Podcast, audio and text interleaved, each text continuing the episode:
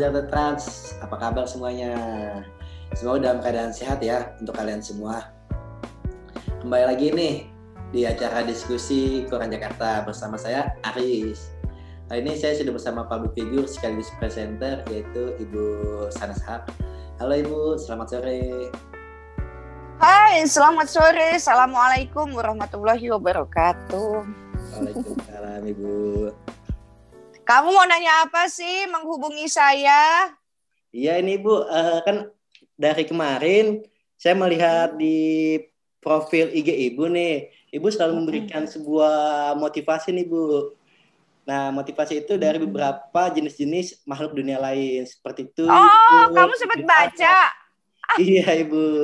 Kenapa sih Bu Ibu bisa kepikiran untuk melakukan motivasi seperti itu?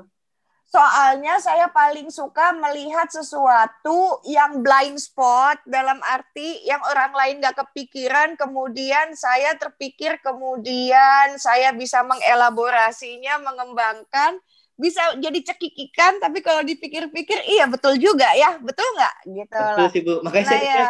wah bener juga ya, uh, tuyul bisa kecil-kecil sudah mencari uang nih.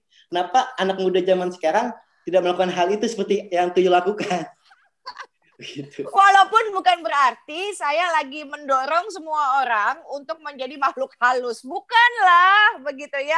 Tapi itu suatu hal yang lucu-lucuan yang uh, pas dipikir-pikir iya ya benar juga begitu ya. Kemudian juga uh, saya senang sekali untuk merangkai sebuah kalimat yang tidak pernah terfikir sama orang atau istilahnya blind spot gitu ya. Bagaimana sih menurut Ibu nih agar dapat merayu anak-anak untuk melakukan sesuatu yang yang Anda inginkan kayak seperti makan, olahraga. Bagaimana sih menurut Ibu nih agar mereka bisa mengikuti kemauan orang tua? Ada saran nggak Bu atau tips gitu?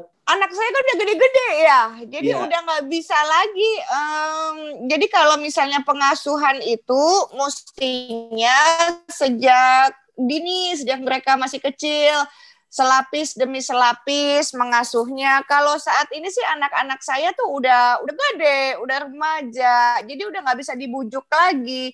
Jadi hitungannya adalah hanya memberikan sebagai supervisinya saja, begitu. Oke, kalau untuk anak-anak bisa untuk diatur itu mulai dari usia berapa, Ibu? Untuk bisa mengikuti kemauan uh, orang tua.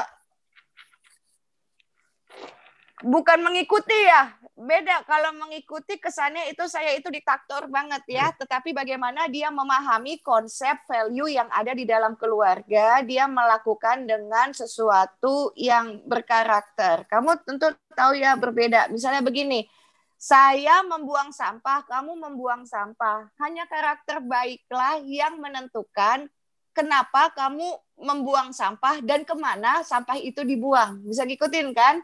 Ya, nah, jadi hal-hal semacam itu adalah karakter yang utuh menyeluruh gitu ya pendidikan yang bukan hanya uh, dia ngikutin apa yang orang tuanya mau, tetapi dia tahu value dari keluarganya, kemudian bagaimana uh, dia melakukannya dengan kesadaran penuh karena dia tahu bagaimana selaras dengan rancangan orang tua yang disepakati bersama. Kuncinya itu tuh disepakati bersama, begitu ya. Karena apa? Saya tidak pernah mau memaksa anak saya ngikut saya karena itu anak pasti jadi tukang bohong, pasti jadi tukang bohong. Jadi lebih baik adalah bagaimana dia punya kesadaran dengan karakter baiknya melakukan sesuatu sesuai dengan kesepakatan bersama begitu. Oke, berarti uh, sebuah kesepakatan dalam hubungan antara ayah dan anak atau orang tua dan anak itu sangat penting ya untuk membawa si anak ini menjadi yang lebih baik dari sebelumnya. Ayah, bunda, anak. Iya. Dan juga orang dewasa yang ada di sekelilingnya. Oke karena 70 karakter seorang anak itu tergantung lingkungannya. Kalau dia berteman dengan penjual parfum, ikut wangi, tapi kalau misalnya dia uh, berteman dengan si pandai besi, akan hitam atau bolong bajunya. Oke. Tapi kan yang kita tahu saat ini, di mana uh, anak-anak remaja uh, lebih suka nongkrong dengan sebayanya nih Bu dibandingkan dia nongkrong dengan yang lebih tua atau lebih muda. Karena menurut mereka yang sebaya itu bisa memahami apa yang keinginan mereka dibandingkan orang tua. Berapa banyak penelitianmu sampai kamu bisa menuliskan kalimat seperti itu? Uh, menurutnya uh, saya juga masa faktor masih muda, saya juga mengikuti pergaulan di lingkungan nah, teman-teman saya. Dan saya pikir ya, itu menjadi hal yang benar juga ya untuk melakukan hal itu. Tapi apakah benar uh, sepantaran ini bisa mempengaruhi dalam? Maaf, maaf signalnya putus-putus di saya. Saya tidak saya tidak jelas tapi saya berusaha menangkap bahwa kamu melihat anak muda yang melakukan itu. Cuman saya tadi bertanya apakah kamu sudah melakukan penelitian sehingga ketemu angkanya, persentasenya. Betul ya? Begitu ya. Karena tidak semua anak seperti yang kamu katakan. Hanya anak eh, anak yang mana yang tidak begitu? Anak yang menemukan semangat dalam melakukan passionnya. Bisa ngikutin ya? Seorang anak yang bisa menemukan passionnya, maka dia akan mengejar impiannya. Dia nggak punya waktu lagi buat nongkrong atau mungkin uh, kalaupun dia melakukan sesuatu hal yang tidak baik, dia hanya kepleset tapi nggak kejeblos. Karena apa? Ada kuncian yang disebut dengan passion Seseorang yang tidak punya kegiatan mengejar passionnya, hasratnya, keinginannya, atau cetak biru, atau blueprint, atau gambaran hidupnya, maka dia kayak layangan putus. Makanya saya nanya, e, berapa angka yang, e, kamu kan wartawan ya, berapa banyak angka itu gitu loh. Karena kalau tidak ada penelitian, saya bisa mengatakan tidak semua anak seperti itu. Karena ada anak-anak yang memang udah tahu mau ngapain, dia akan fokus dan susah untuk melakukan hal yang lain misalnya nongkrong dengan lingkungannya oh iya nongkrong sekali dua kali nggak apa-apa tapi dia nggak akan mungkin menghabiskan waktu untuk seperti itu oh ibu kalau nggak salah ibu pernah ya mengalami masa sulit ya di saat difonis oleh dokter tentang uh, berapa usia kamu 23 tahun oke okay itu itu cerita 22 tahun yang lalu. Saya tidak tahu kamu membaca berita di mana. Iya, lalu saya lihat di postingan-postingan Ibu kan Ibu uh, aktif untuk menyuarakan uh, pengobatan kayak semacam kanker, terus uh, segala macam. Nah, bagaimana sih menurut Ibu ini tips and triknya untuk terhindar dari penyakit tersebut dan berjuang untuk melawan hal tersebut? Pertanyaannya saya perbaiki ya, tidak bisa orang menghindar dari kanker karena itu sudah ada di DNA-nya bukan? Selain mungkin gaya hidupnya yang mesti diperbaiki karena di badannya udah membawa bakat itu. Hanya tinggal tunggu dia tersulut, tertrigger atau tidak. Betul ya? Nah, hal-hal seperti inilah yang perlu diedukasi kepada masyarakat. Misalnya orang tuanya kena kanker, pasti anaknya mesti hati-hati dan rajin periksa. Walaupun belum ada penelitian, 100% anaknya pun pasti kena. Cerita yang ditanyakan oleh kamu tadi adalah di saat usia kamu baru satu tahun. Ya, karena karena itu terjadi di tahun 98 saya tidak saya bukan dokter. Jadi pertanyaanmu itu adalah pertanyaan yang sangat tepat kalau ditanyakan kepada dokter. Bagaimana mendeteksi awalnya, bagaimana mengatasinya, begitu ya. Kalau saya adalah penyintas atau survivor, maka yang bisa saya katakan bagaimana dukungan, harapan, dan cinta bisa membantu seseorang untuk survive, untuk bisa mengubah uh, hidupnya dari seorang pasien bisa menjadi penyintas begitu ya hanya dukungan semangat uh, dari keluarga itu penting sekali dan melakukan pengobatan medis itu penting melakukan pengobatan medis kenapa sih penting kanker itu bukan penyakit mistis Yeah. Jadi nggak usah ke dukun, perginya ke dokter, gitu kan? Itu selalu yang saya ingatkan untuk teman-teman yang baru jadi pasien. Yang kedua, makannya yang betul, begitu ya. Itu sebabnya saya ada uh, membantu mensosialisasikan uh, susu yang spesial untuk pasien kanker gitu ya karena kamu kan pasti tahu ya uh, orang yang kena kanker makin lama makin ciut makin kurus kempot habis semua badannya setuju ya Setuju. karena mereka mereka nggak bisa makan. Apalagi kalau lagi tindakan medis seperti radiasi atau misalnya dia te kemoterapi. Terapi. Ini nih sariawan semua nih mulutnya.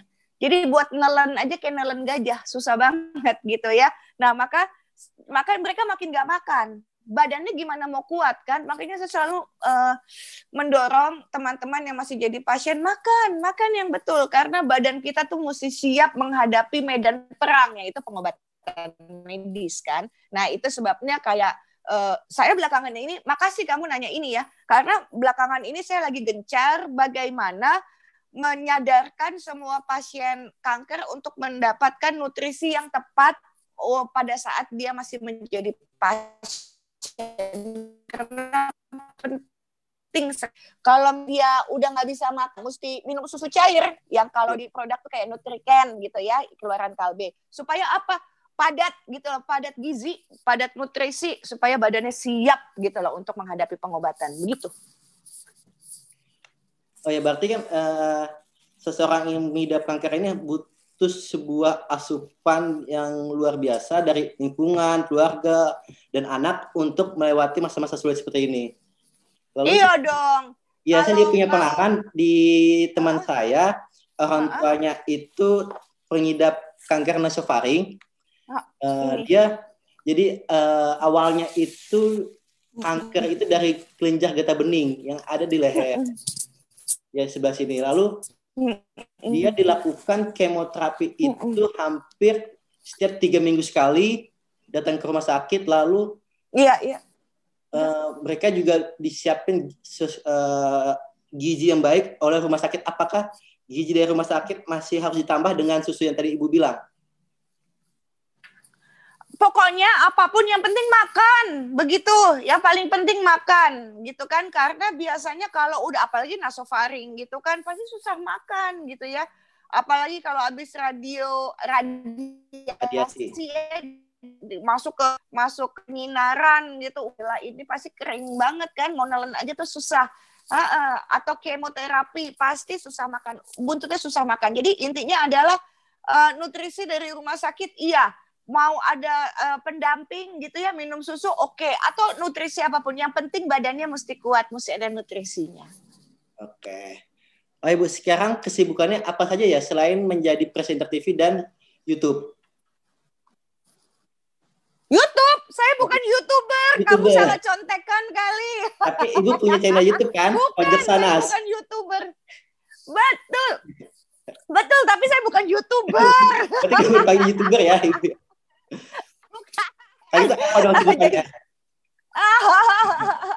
jadi sebetulnya saya tuh membuat pojok Syahnas karena saya ingin membuat edukasi kepada wanita dan anak-anak. Karena memang ranah saya tuh di situ begitu ya. Dan saya juga kalau misalnya kamu lihat deh kalau saya bawain acara televisi pasti nggak jauh. Kesehatan perempuan anak-anak pasti begitu. Iya, kemudian kalau saya bekerja untuk uh, eh, PBB misalnya di UNICEF atau di ILO IPAC pasti urusannya itu anak-anak gitu. Jadi karena buat saya uh, penting sekali sekarang juga saya lagi ada di Yusana Foundation. Jadi Yusana Foundation itu adalah membantu nutrisi untuk anak-anak di Indonesia Timur. Itu kegiatannya begitulah. Jadi selain saya ngurusin uh, mengasuh acara televisi di TVRI namanya Buah Hatiku Sayang gitu ya. Sekarang kan acara anak-anak kan nggak ada iya, gitu ya, loh. Jadi saya tuh semangat bagaimana membuat uh, acara anak-anak tuh bagus. Kemudian di Metro TV masih bawain acara kesehatan kemudian masih di Yusana Foundation untuk uh, mensosialisasi kegiatan sosial untuk eh, anak-anak di Indonesia Timur. Begitu. Eh, menurut Ibu sendiri, bagaimana sih tangga cara untuk menjaga keluarga di masa pandemi seperti ini? Uh, sebetulnya bukan saya menjaga keluarga ya. Mereka yang mesti pandai menjaga diri mereka sendiri Kan suaminya udah lebih tua dari saya. Kamu Iya nggak sih? Masa saya yang ngejaga kan nggak butuh babysitter dia gitu loh. Kemudian anak-anak saya juga udah gede-gede, udah kuliah satu, yang SMA dua, begitu ya. Jadi yang mesti saya lakukan adalah udah pada ngerti belum? Udah, ya udah kerjain. Udah cuman gitu doang gitu. Jadi enggak saya bukan tipe ini, saya bukan tipe ibu yang rewel. Bukan. saya icam, tahu nggak icam? Apa itu bu? Ikut campur, gitu. Apa-apa ikut campur aja, enggak, enggak begitu. Jadi saya adalah hit and run, gitu loh. Udah ngerti, udah kerjain ya, soalnya saya mesti kerjain yang lain, begitu. Nah artinya memang uh, selalu mengingatkan paling tidak 3M, memakai masker, menjaga jarak, mencuci tangan, ya kan? Itu aja. Dan kalau misalnya di tas mereka itu Kenapa? Kemudian di tas mereka itu mesti selalu ada hand sanitizer, itu yang paling penting. Oh, Ibu, ada pesan atau saran nggak sih Bu untuk uh, masyarakatnya di tengah pandemi saat ini, khususnya untuk ibu-ibu, seperti itu? Pesannya adalah percayalah perempuan itu jago multitasking Aris. Perempuan itu bukan hanya bisanya cuma satu, jago, bisa kreatif, bikin apa pun. Jadi tahun 2020 ini adalah tahun penuh dengan syukur. Jadi kita mesti pandai-pandai dan banyak-banyak bersyukur sebagai perempuan. Misalnya ternyata kita masih sehat, suami sehat, anak-anak sehat, di meja makan masih ada makanan walaupun sederhana gitu ya, listrik masih ada, air masih mengalir. Jadi saya ingin mengajak semua wanita untuk menjadi pandai bersyukur. Karena percayalah bagaimana karakter yang ada di rumah kita itu tergantung kepada ibu. Seorang ibu, seorang istri. Kalau ibunya asik, pasti anak dan pasangannya juga kebawa suasananya asik. Tapi kalau istri itu bawaannya ngeluh aja gitu ya, panas. Jadi situasi panas, kemudian anak-anak juga merasa jadi berantem lulu, itu laris. Kamu kan wartawan, kamu tahu ya KDRT semakin meningkat kan dengan ya. adanya pandemi COVID-19 ini. Nah, jadi ayo uh, kuncinya ada di kita. Mau dibawa ke mana nih tahu gitu ya. Mau di rumah tangga kita, kuncinya ada di kita. Jika suami kita adalah kepala rumah tangga, maka sudah waktunya Anda menjadi seorang istri, menjadi leher yang kokoh, menopang kepala itu dengan baik. Jadi ayo leher ini tuh mesti sehat karena leher ini yang membuat kepala bisa menoleh ke kanan, ke kiri, ke atas, ke bawah, kudu sehat. Kalau salah bantal, sakit leher itu satu badan sakit semua, begitu ya. Jadi pesan saya kepada semua perempuan, Riz, berbahagialah karena tahun 2020 tahun kita diajarkan oleh Tuhan yang Maha Esa, oleh Allah Subhanahu wa taala untuk menjadi orang yang pandai bersyukur. Begitu, Riz. Ya, makasih Ibu atas tips and triknya untuk ibu-ibu saat ini di masa pandemi. Oke, sama-sama Riz. Sampai ketemu. Terima kasih, Bu. Ya, itu dia wawancara Koran Jakarta bersama Sanas Hak. Nantikan diskusi Koran Jakarta selanjutnya bersama narasumber yang tentunya yang inovatif. Sekian dari saya, Ars Nurjani, pamit undur diri. Halo Jakarta, jangan lupa dengerin podcast diskusi Koran Jakarta hanya di Spotify.